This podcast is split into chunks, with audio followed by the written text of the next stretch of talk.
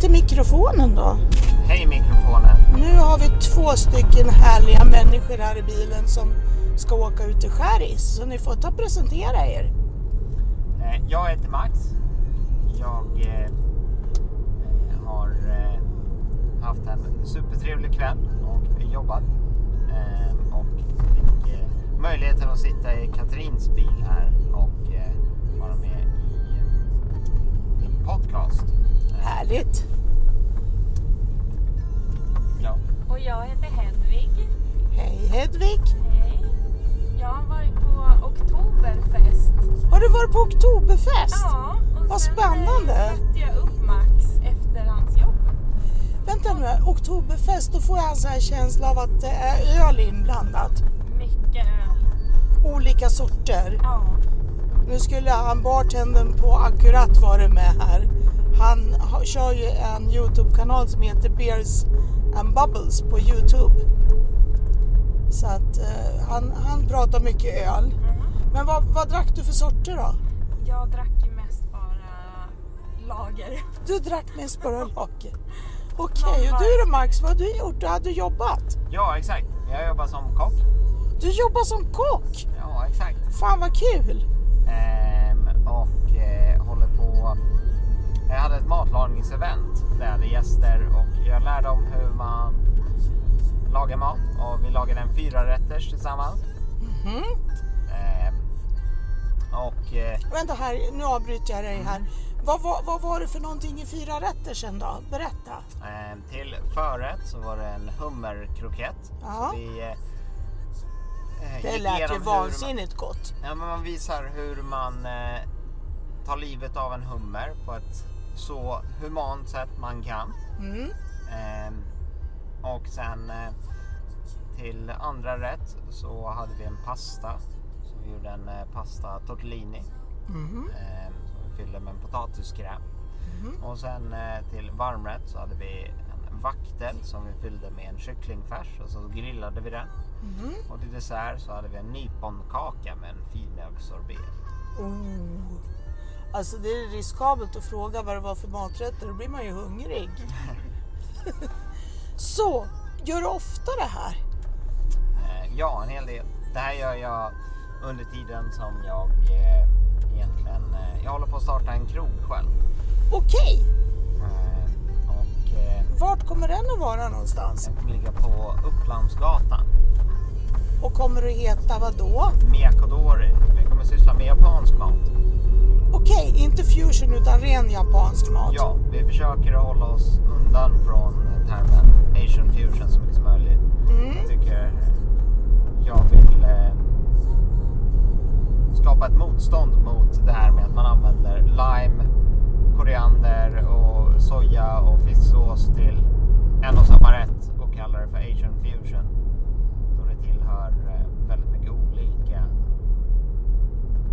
delar av världen. Ja, men så här, du kan inte använda koriander i Japan.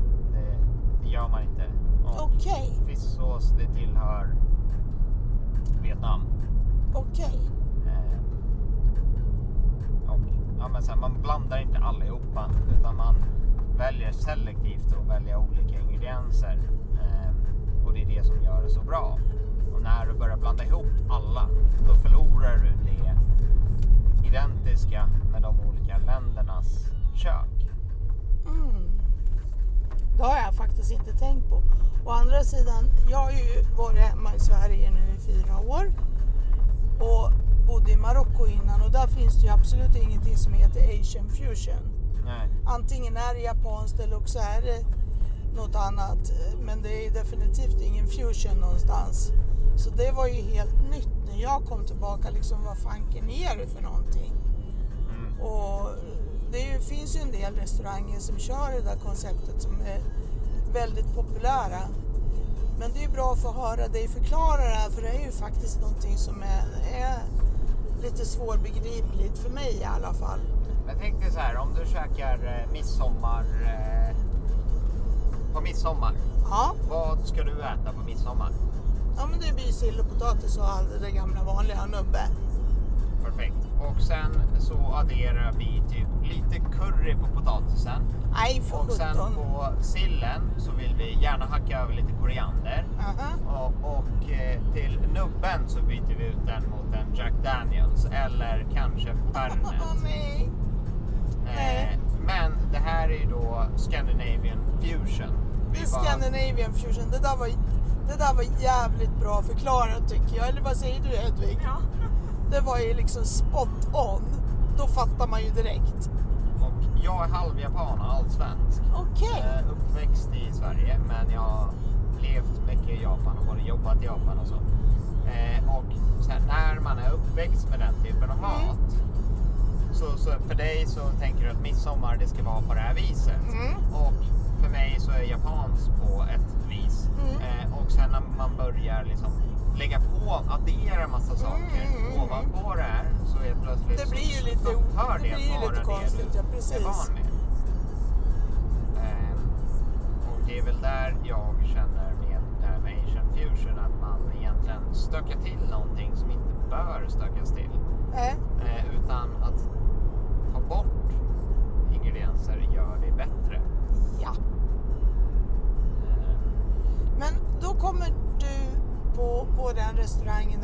Upplandsgatan då. Då kommer du köra renodlat rakt över disk japanskt. Till exempel. Ja, ehm, till den mån av råvaror det går. Ja. Jag tycker fortfarande det är konstigt att så här, vi öppnar i en restaurang med japanskt tema i Ja. Sverige som är liksom andra sidan jordgloben för Japan. Och då kan vi inte leva på att importera varor hela vägen från Japan till Sverige. Utan så här, den fisk som finns i Japan, den finns i Japan Mm.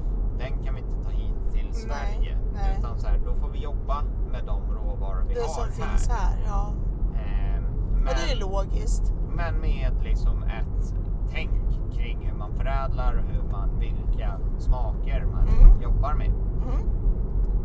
Ehm, eh, vi vill göra något, ett koncept som är mer så här izakaya kan man säga. Mm. På japanska är det en gastropub. En izakaya går till för att dricka. Du går på en AV till en izakaya. Mm.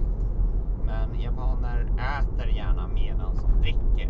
Mhm. Så i Sverige kanske är så här, man, när man började gå ut på krogen så var det alltid så att polarna skulle käka innan man gick ut. För Mm. man skulle vara mätt och sen gick man ut och drack. Eh, medan där borta så är det väl mer att man äter och dricker hela tiden. Mm. Man slutar aldrig äta och man slutar inte dricka.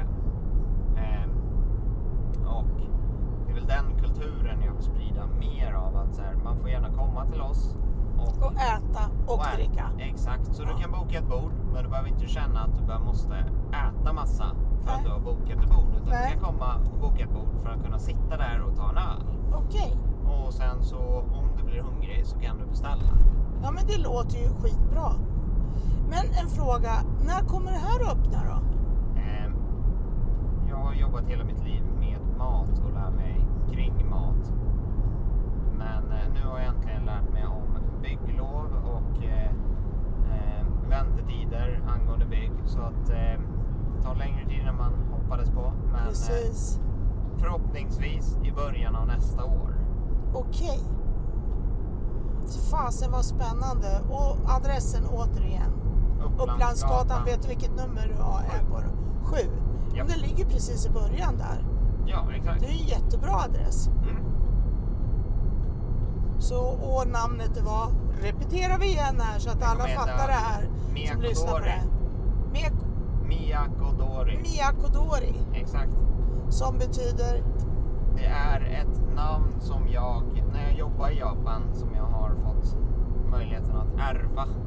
Eh, Okej. Mästaren där i Japan som har lärt mig hur man gör den typ av mat som han gör. Eh, har inga barn. Och Mhm. vanligtvis så ärvs eh, verksamheterna i generationer. mm, Men eh, han tyckte att vi borde ta namnet och stafettpinnen vidare i Sverige. För han tyckte att han går bort så kommer Ja. Miyakodori sluta att upphöra. Ja. Eller sluta existera i Japan. Eh, och då tyckte han att vi kunde ta vidare namnet fast i Sverige. men vilken snäll man. Ja, ja men det, i Japan så är det en väldigt stor grej. Det är Exakt. Liksom en väldigt, Det var det jag tänkte säga. Att det, det är en väldigt hedersgrej för dig att få föra stafettpinnen vidare. Ja, men jag var ju tvungen att ifrågasätta det beslutet två, tre gånger innan man kunde acceptera det. så, men så kan vi inte heta. Det är ju vad din verksamhet heter. Så jag vill att ni ska... Jag tror att min... Det var hans farfar som startade den verksamheten. Okej. Ja, men då ligger det väldigt mycket stolthet i det hela också. Ja, på, på ett sätt så känns det väldigt bra att vi får... Eh, det finns en större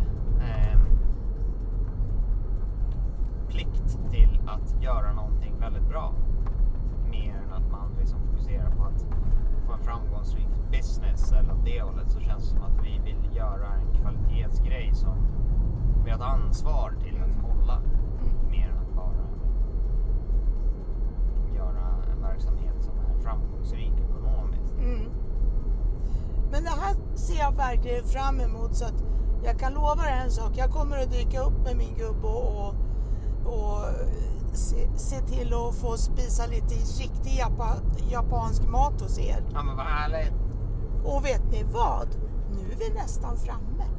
Så nu får vi säga hej då till mikrofonen och så ska vi dig all lycka Tack så mycket. med alla bygglov och hela killevippen. Tack så mycket. Så ses vi framöver på Miyako Dori. Ja, tack. Tack mikrofonen.